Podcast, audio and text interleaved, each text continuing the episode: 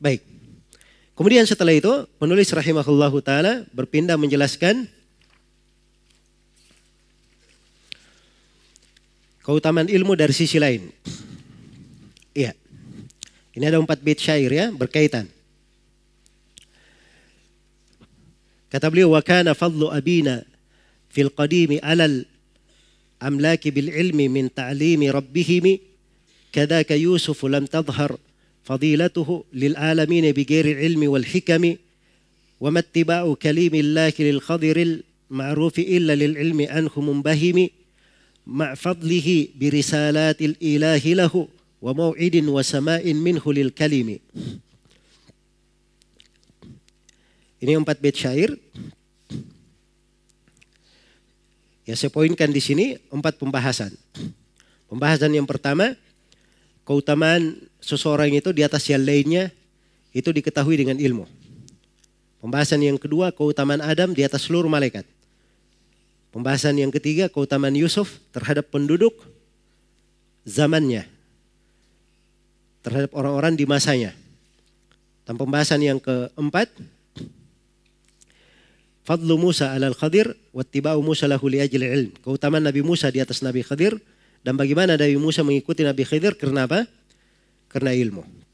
Baik, kita detailkan dari ucapan penulis. Kata beliau, "Wa kana fadlu abina fil qadimi." Dan adalah keutamaan ayah kita. Ayah kita siapa? Adam alaihi salam. Fil qadimi di masa dahulu. Alal amlaki terhadap para malaikat. Keutamanya bil ilmi dengan ilmu. Iya. Minta alimi rabbihimi. Karena Nabi Adam diajari oleh Rob mereka. Itu kan tampak sekali keutamaan Nabi Adam alaihissalam di waktu itu. Iya. Jadi ketika uh, Allah subhanahu wa ta'ala akan menciptakan Nabi Adam, maka disampaikan kepada para malaikat. Malaikat pun berkata, apakah engkau akan menjadikan orang yang merusak di atas muka bumi menumpahkan darah Padahal kami ini selalu bertasbih dan mensucikanmu. Maka Allah berfirman, ini alamu, malah ta'alamun. Sungguhnya aku mengetahui apa yang kalian tidak ketahui. Ya. Maka dari situlah ditampilkan keutamaan Nabi Adam di atas malaikat. Maka Nabi Adam alaihissalam diajari seluruh nama. Diajari seluruh nama. Ketika ditanyakan kepada para malaikat, maka mereka berkata, Subhanaka la ilma lana illa ma'allam tanah. Maha suci engkau ya Allah tidak ada ilmu bagi kami kecuali apa yang kau ajarkan kepada kami. Inna ka antal alimul hakim. Sungguhnya engkau lah yang maha mengetahui lagi maha bijaksana. Ah, maka dari sini Allah tampakkan keutamaan Nabi Adam. Qala ya Adamu ambi'hum bi asma'ihim. Wahai Adam, beritakan kepada para malaikat nama-nama mereka, nama-nama itu tadi. Maka dikabarkan oleh Nabi Adam. Iya. Maka Nabi Adam alaihissalam ditinggikan lebih diangkat di atas malaikat karena apa? Karena ilmu. Ya, karena itu kaidahnya bahwa siapa yang ingin dilebihkan di atas yang lainnya, jangan dia cari dengan apa? Dengan dunia, jangan dia cari dengan harta. Iya. Jangan dia cari dengan harta. Karena itu kata sebagian as-salaf, kalau ada orang yang melombai kamu, mendahului kamu dalam dunia, maka hendaknya kamu dahului dia dalam akhirat. Ya, sebab itu saja yang bisa menyainginya. Ya, kalau ada yang melombainya dalam dunia, maka dia dahului dalam apa? Dalam akhirat. Itu yang paling bagus. Ya, kalau mau diikuti dunia tidak ada habisnya. Tetangganya punya mobil, ya, dia juga pusing mau punya mobil. Ya, ingin menyaingi. Hah? Tetangganya bikin ini, dia juga ingin bersaing seperti itu. Habis kalau masalah dunia. Tidak ada hentinya. Tapi kalau dia seiring dengan ibadah, setiap kali ada suatu maka dia berlomba di dalam beribadah kepada Allah. Maka ini yang menyejukkan hati, meninggikan derajat. Dan ini akan membuat perkaranya lebih apa? Lebih bagus. Iya. Maka Nabi Adam alaihi salam ditampakkan oleh Allah Subhanahu wa taala keutamanya di atas malaikat dengan ilmu. Kadaka Yusuf. Demikian pula Yusuf alaihi salam, Nabi Yusuf lam tadhhar fadilatuhu lil alamin bighairil ilmi wal hikami. Tidak tampak keutamaan beliau kepada seluruh manusia di masanya. Ya. kecuali dengan ilmu dan hikmah. Kecuali dengan ilmu dan hikmah. Jadi ketika Allah Subhanahu wa taala ingin menunjukkan keutamaan Nabi Yusuf alaihi salam, ya. Keutamaan Nabi Yusuf alaihi salam, maka Nabi Yusuf alaihi salam diajari oleh Allah Subhanahu wa taala hukum dan ilmu. Walamma balagha asyuddahu atainahu hukman wa ilma. Begitu Nabi Yusuf sudah tiba di, usia dewasa, kami berikan kepadanya hukum dan ilmu. Wa kadzalika najzil muhsinin. Demikianlah kami beri pahala untuk orang-orang yang berbuat baik. Nah, ini juga penting ya. Sebab seorang itu bertambah ilmu kalau dia selalu ada ihsan. Ihsan itu ya ada banyak makna ya. Ihsan bisa bermakna dia selalu muraqabatullah, merasa diawasi oleh Allah Subhanahu wa taala. Ihsan itu kadang bermakna dia selalu berpegang di atas Al-Quran dan Sunnah. Dan ihsan kadang bermakna dia berbuat baik kepada apa? Manusia. Yang jelas dia sepanjang masuk ke dalam golongan al-muhsinin, maka pasti akan berhak untuk mendapatkan ini. Karena alasan Nabi Musa atau Nabi Yusuf alaihi salam diberi hukum dan ilmu karena dia adalah orang-orang yang apa? Berbuat ihsan. Maka Nabi Yusuf alaihi salam ketika sudah diberikan kemampuan untuk mentakwil mimpi, maka raja waktu itu melihat mimpi. Ya, raja melihat mimpi yang seluruh manusia di masanya, seluruh menterinya dan petingginya tidak mampu untuk apa? Mentakwilnya. Begitu didatangkan kepada Nabi Yusuf, langsung dijawab cepat sekali. Dan terjadi seperti yang beliau katakan. Nah, maka di sini tampak keutamaan Nabi Yusuf alaihissalam terhadap seluruh penduduk masanya dengan apa? Dengan ilmu. Dengan ilmu. Baik.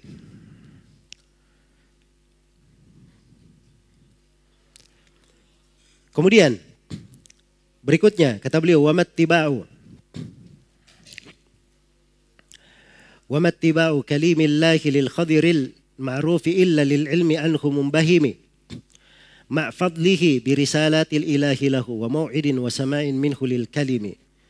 Ini terkait dengan Nabi Musa. Ya, tidaklah kalimur rah, kalimullah. Tidaklah orang yang diajak bicara oleh Allah. Siapa yang diajak bicara oleh Allah? Nabi Musa alaihissalam. Dia mengikuti Al-Khadir, Nabi Khadir, Al-Ma'ruf yang sudah dimaklumi kisahnya di surah mana? Di surah Al-Kahfi ada kisahnya. Tidaklah Nabi Musa mengikuti Nabi Khadir kecuali li, ilmin anhu membahimi. Karena ada ilmu yang dia tidak miliki, dipunyai oleh siapa? Nabi Khadir. Ma'fadlihi bi risalatil ilahi lahu. Padahal Nabi Musa alaihi salam ini lebih utama daripada siapa? Nabi Khadir. Ya, wa mu'idin wa sama'in min khulil kalimi. Keutamanya dari Musa, dia diutamakan di atas dengan risalah. Ya. Diberi janji oleh Allah Subhanahu wa taala datang ke Bukit Tur, dia mendengar langsung dari Allah berbicara langsung kepada Allah. Tidak ada meragukan bahwa Nabi Musa lebih afdal daripada siapa? Nabi Khadir. Nabi Musa dari ulul azmi. Dari ulul azmi. Dia lebih utama dari pada Nabi Khadir. Tapi bersamaan dengan itu, Nabi Musa pernah ikut kepada siapa? Nabi Khidir untuk apa? Untuk belajar. Untuk masalah ilmu. Untuk masalah ilmu. Ya, karena itu Nabi Musa alaihi salam berkata, "Qala lahu Musa, hal attabi'uka ala an tu'allimani mimma ullimta rusyda?" Apakah boleh saya ikut bersama engkau supaya engkau mengajari saya ilmu yang Allah ajarkan kepada engkau? Ini terdapat faedah besar ya di sini. Ya, seorang dia mencapai ilmu bagaimanapun, ketika dia mau belajar, dia harus merendah hati. Iya. Dengan uslub yang bagus kepada orang yang dia belajar. Iya. Walaupun misalnya muridnya, tapi kalau dia belajar dari murid tersebut bidang ilmu tertentu, dia hormati muridnya sebagai guru. Karena itu disebutkan dari sebagian ulama, ada yang dia mau belajar ilmu tertentu. Ya, dia terkenal di masanya, ulama hadir di majelis-majelisnya. Maka ada seorang alim di situ di bidang ilmu bahasa. Ya. Yang ingin apa namanya dia pelajari. Maka dia pun minta kepada muridnya supaya mendatangkan bukunya tentang ilmu bahasa itu. Begitu dia bawa bukunya, maka guru ini yang tadi di atas kursi, dia pindah duduk di bawah. Dia suruh muridnya duduk di atas kursi. Ya, kemudian dia baca buku itu, ada yang tidak jelas dia tanyakan sampai selesai. Sampai selesai. Ini adab. Akhlak terhadap apa? Terhadap ilmu. Nah, seperti itu dicontohkan oleh Nabi Musa alaihi salam. Jadi keutamaan Nabi Khadir ya ketika dia diikuti oleh Nabi Musa untuk ilmu itu maka ini menunjukkan bahwa keutamaan seseorang di atas yang lainnya dengan apa? Semuanya dengan ilmu. Iya. ini pelajaran untuk kita semua. Seorang itu sampai mana pun dari ilmunya pasti ada saja di orang lain ilmu yang lebih bagus daripada apa yang dia miliki. Ya, karena ilmu itu tidak didapatkan, tidak dikumpulkan oleh satu orang saja. Tidak dikumpulkan oleh satu orang saja. Ya, demikian pula para ulama di masa ini, ya sebagian dari mereka mengambil manfaat dari sebagian yang lainnya. Baik. Dan ini juga kalau mau diberi contoh sama dengan Nabi Ibrahim alaihissalam. Diangkat derajatnya oleh Allah subhanahu wa ta'ala di atas kaumnya. Itu karena apa? Karena ilmu juga. Ya, terkait dengan ilmu juga. Kan dimaklumi ya dari kisah Nabi Ibrahim alaihissalam yang telah apa namanya saya isyaratkan tadi ya di surah Al-An'am bagaimana beliau ditinggikan oleh Allah Subhanahu wa taala di atas kaumnya itu kaitannya dengan apa? Dengan ilmu juga. Karena itu dikatakan dalam Al-Qur'an wa tilka hujjatuna atainaha Ibrahim ala qaumihi narfa'u darajati man nasya. Itulah hujah kami yang kami berikan kepada Nabi Ibrahim alaihi salam terhadap kaumnya. Terhadap kaumnya. Dan kami mengangkat derajat bagi siapa yang kami kehendaki. Jadi diangkat derajat oleh Allah Subhanahu wa taala bagi siapa yang kami kehendaki. Narfa'u darajatin man nasya. Kami angkat beberapa derajat siapa yang kami kehendaki. Kata Zaid bin Aslam di situ, narfa'u darajati man nasya bi ilmil hujjah. Kami mengangkat derajat-derajat siapa yang kami kehendaki dengan ilmu hujjah. Dengan ilmu hujjah. Maka Nabi Ibrahim alaihissalam itu diangkat derajatnya di atas kaumnya dengan apa? Dengan ilmu juga. Baik, jadi kaidahnya siapa yang ingin diangkat derajatnya, maka hendaknya dia apa? belajar ilmu. Ingin diutamakan di atas yang lainnya, maka itu caranya dengan dengan ilmu. Dengan ilmu. Iya. Karena itu disebutkan dari sebagian ulama besar ya ketika apa namanya ibunya dari semenjak kecil itu sudah mengetahui apa jalan untuk anaknya. Ya, dan ini nasihat ya untuk orang-orang tua di rumah. Ya. Ibunya sudah tahu anaknya. Dia katakan kepadanya, dia berpesan, wahai anakku, kamu telah mengetahui kondisi kita saat ini. Dan tidak ada yang mengangkat derajat kita kecuali dengan ilmu. Maka kamu belajar baik-baik. Itu saja pesan ibunya. Dari semenjak kecil dia belajar, anak ini belajar menjadi seorang alim. Dan akhirnya Allah subhanahu wa ta'ala mengangkat derajatnya pada segala hal. Pada segala hal. Dan ini dari keutamaan ilmu tersebut. Karena itu siapa yang menghendaki kebaikan, pengangkatan derajat dilebihkan di atas yang lainnya, maka itu jalannya dengan apa? Dengan ilmu. Baik.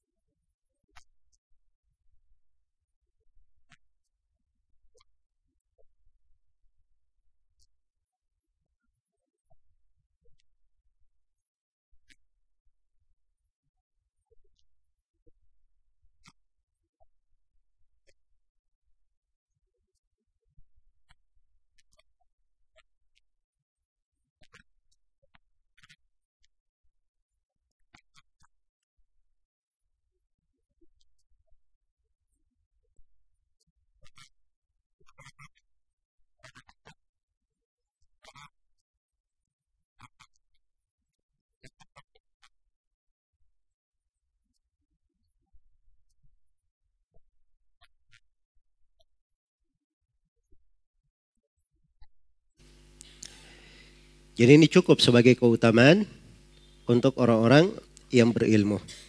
Kemudian di pembahasan berikutnya di bait syair yang ke-47 kata beliau kafahumu an ghadaw lil wahyi aw iyatan wa adhatil ayu minhu fi sudurihimi.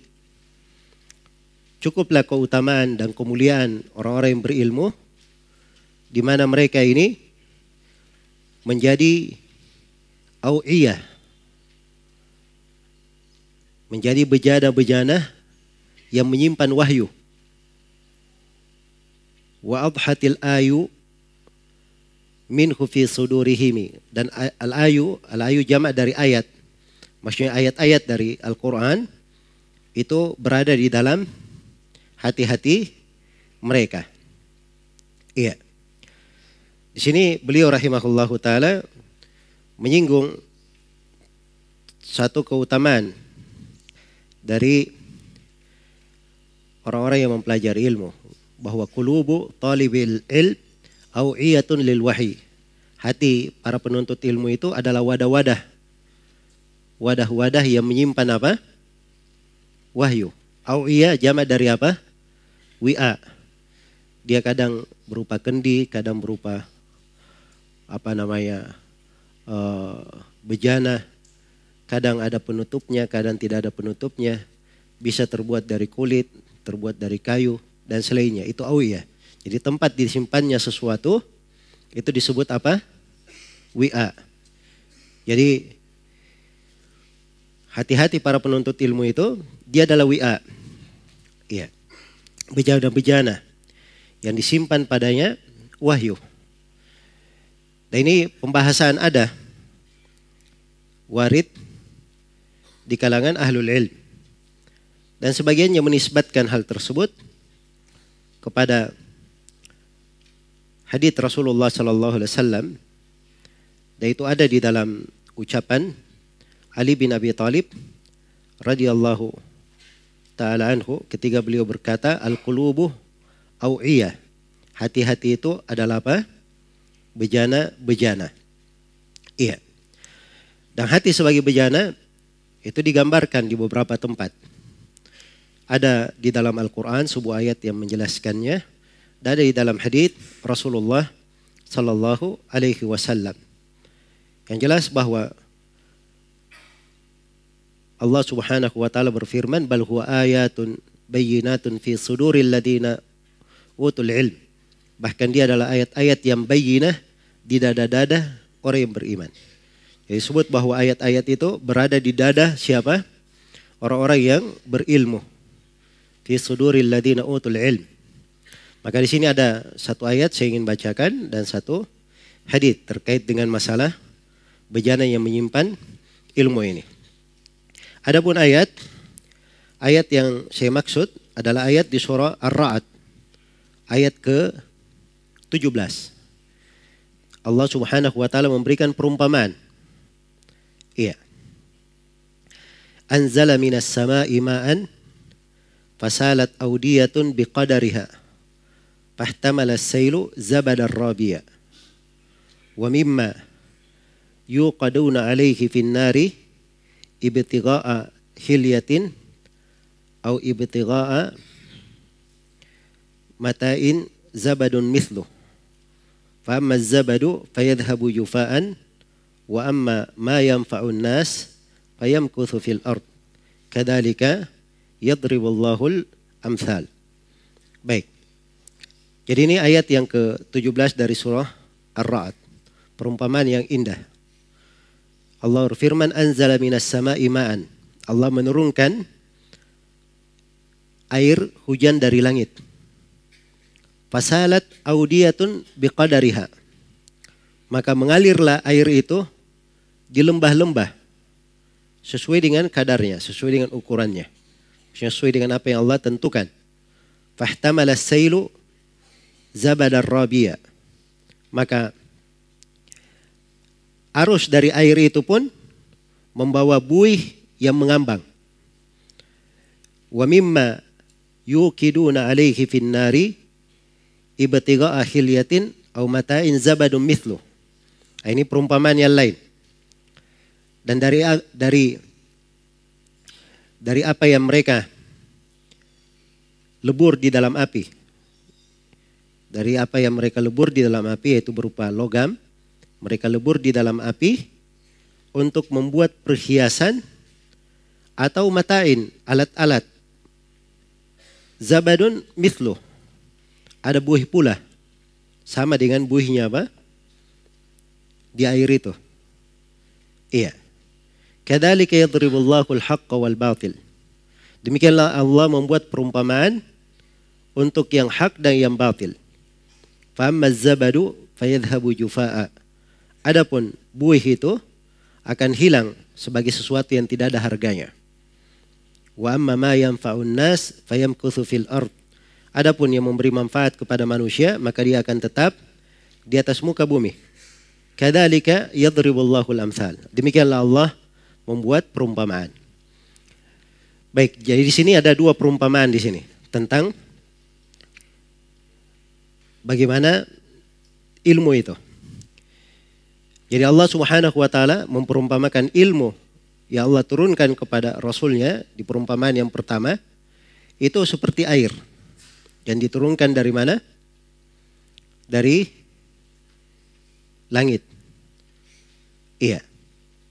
Dan dimaklumi bahwa air itu membawa kehidupan ya dan berbagai kemaslahatan untuk segenap hamba, segenap makhluk dalam kehidupannya. Iya.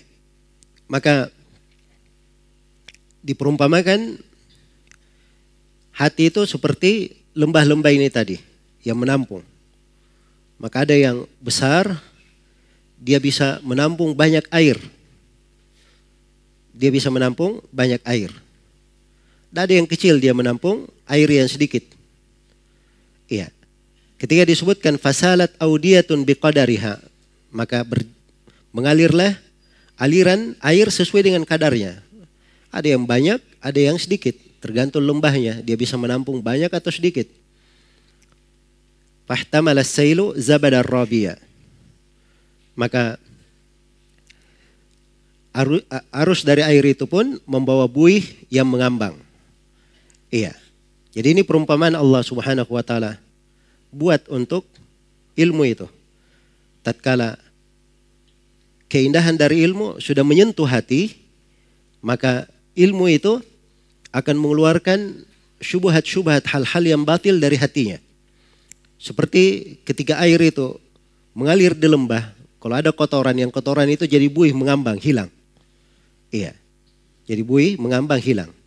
Maka di sini dijadikan perumpamaan ilmu ketika masuk ke lembah, lembah ini menampung dari apa? Air-air tersebut. Iya. Dan ini cukup sebagai keutamaan terhadap ilmu itu. Karena ilmu ini seperti wadah yang menampung.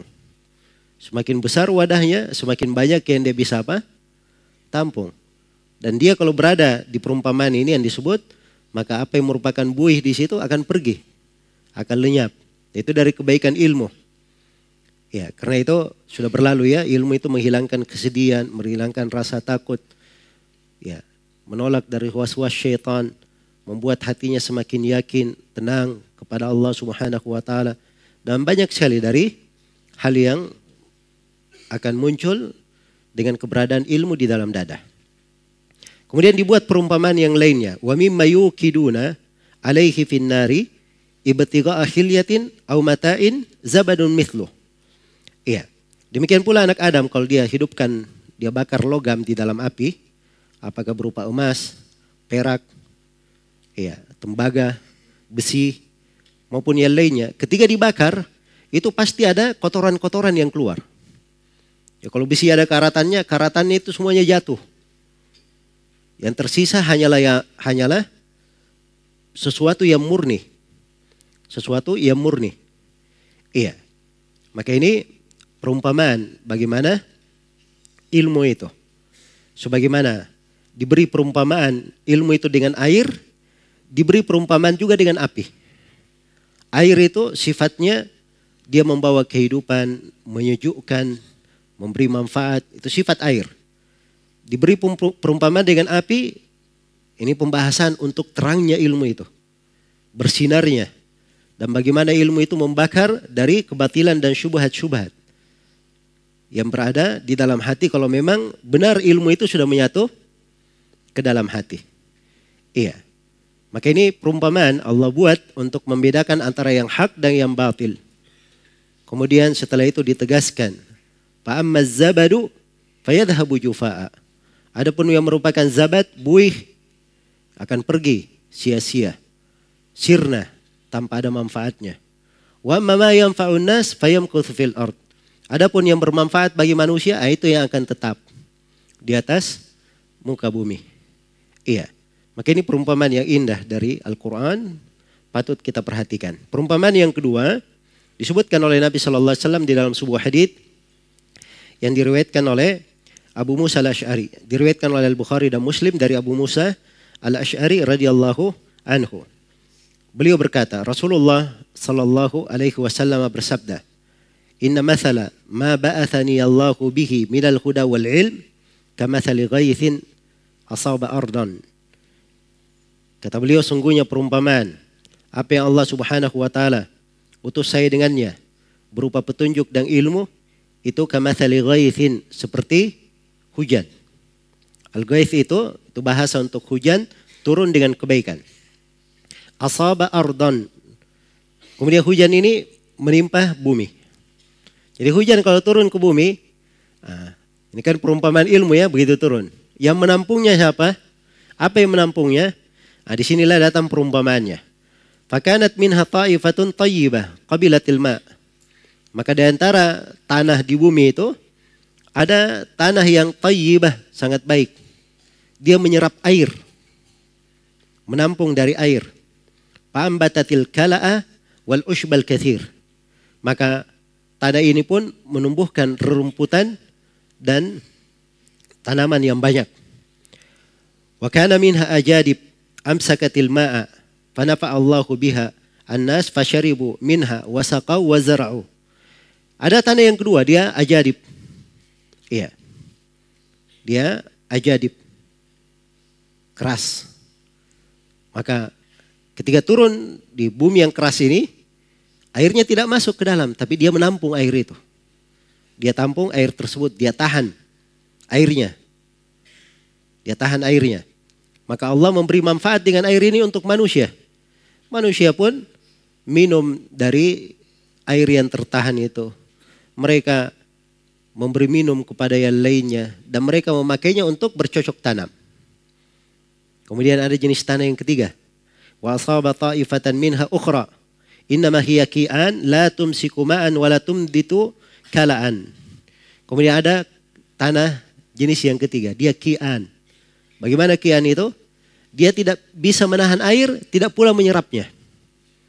Keras tidak ada air yang singgah di atasnya tidak ada yang masuk mengalir saja melewatinya cuma mengalir melewatinya iya kata Nabi fadalika Mathalu man fakuha fi dinillah.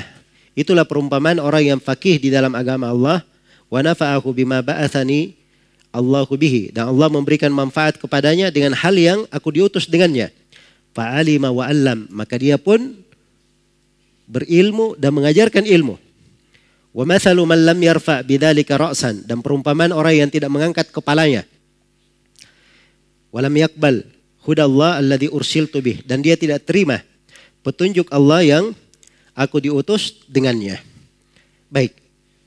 Jadi ini perumpamaan jelas sekali ya. Bagaimana Nabi memperumpamakan ilmu dan petunjuk itu seperti hujan. Seperti hujan yang turun. Iya. Dan diperumpamakan bagaimana kondisi hati. Kondisi tanah yang menerimanya itu seperti hati-hati. Hati-hati manusia itu beraneka ragam. Ada yang bisa menyerap, ada yang bisa menahan saja, dan ada yang tidak bisa menyerap, tidak bisa pula menahan. Iya. Maka yang pertama, kata Ibnul Qayyim, hati yang pertama, itu seperti tanah itu ya, dia menyerap, numbuhkan. Nah itu orang yang menghafal, dia juga memahami. Mereka menghafali, menghafalkan, memahami makna-maknanya, diambil istimbat dari hukum-hukum, faidah-faidah. Nah, inilah yang paling bagus. Ya. Inilah yang paling baiknya. Ini yang dikatakan oleh Ibn Al-Qayyim, ini perumpamaan al-huffad al-fuqaha. Para hafidh, para ahli fikih, ahlur riwayah wa dirayah. Orang yang memiliki riwayat dan dirayah. Pemahaman fikih terhadap apa yang dia riwayatkan. Yang kedua, ada yang merupakan ahlul hifadz saja. Dia cuma menjaga. Allah beri rezeki dia bisa menghafal, bisa menukil, dia bisa mendabat. Tetapi tidak diberi rezeki memahami. Iya, dia cuma bisa menghafalnya. Tapi kurang di dalam fikihnya. Nah, ini perumpamaan yang kedua. Dia cuma menampung. Tapi tidak menyerap. Dia hanya menahan. Dan perumpamaan yang ketiga. Ya. Tentunya yang pertama dan kedua ini semuanya beruntung. Walaupun yang pertama lebih beruntung dari yang kedua. Lebih beruntung daripada yang kedua. Adapun yang ketiga ini tidak ada bagiannya sama sekali. Tidak ada hafalah, tidak menjaga, tidak pula dia apa namanya memahami, tidak pula orang mengambil manfaat darinya. Baik. Jadi dari sini tampak ya bagaimana keutamaan dari ilmu itu. Bahwa ilmu itu subhanallah itu kalau masuk ke dalam hati sangat memperbaiki hati tersebut. Makanya dada-dada yang menampung dari wahyu. Ya bayangkan ini wahyu dari Allah dia tampung. Ayat-ayat Al-Quran dia tampung di dalamnya. Dia serap sehingga menghidupkan hatinya. Karena dia menjaga, dijaga tempat yang menyimpannya. Jadi hidup hatinya. Dan dia sendiri bisa memberi manfaat kepada orang. Kapan orang memerlukannya, kapan orang hajat, ada hajat dan keperluan padanya, dia bisa mengambil darinya. Inilah perumpamaan yang paling indahnya untuk hati seorang penuntut ilmu.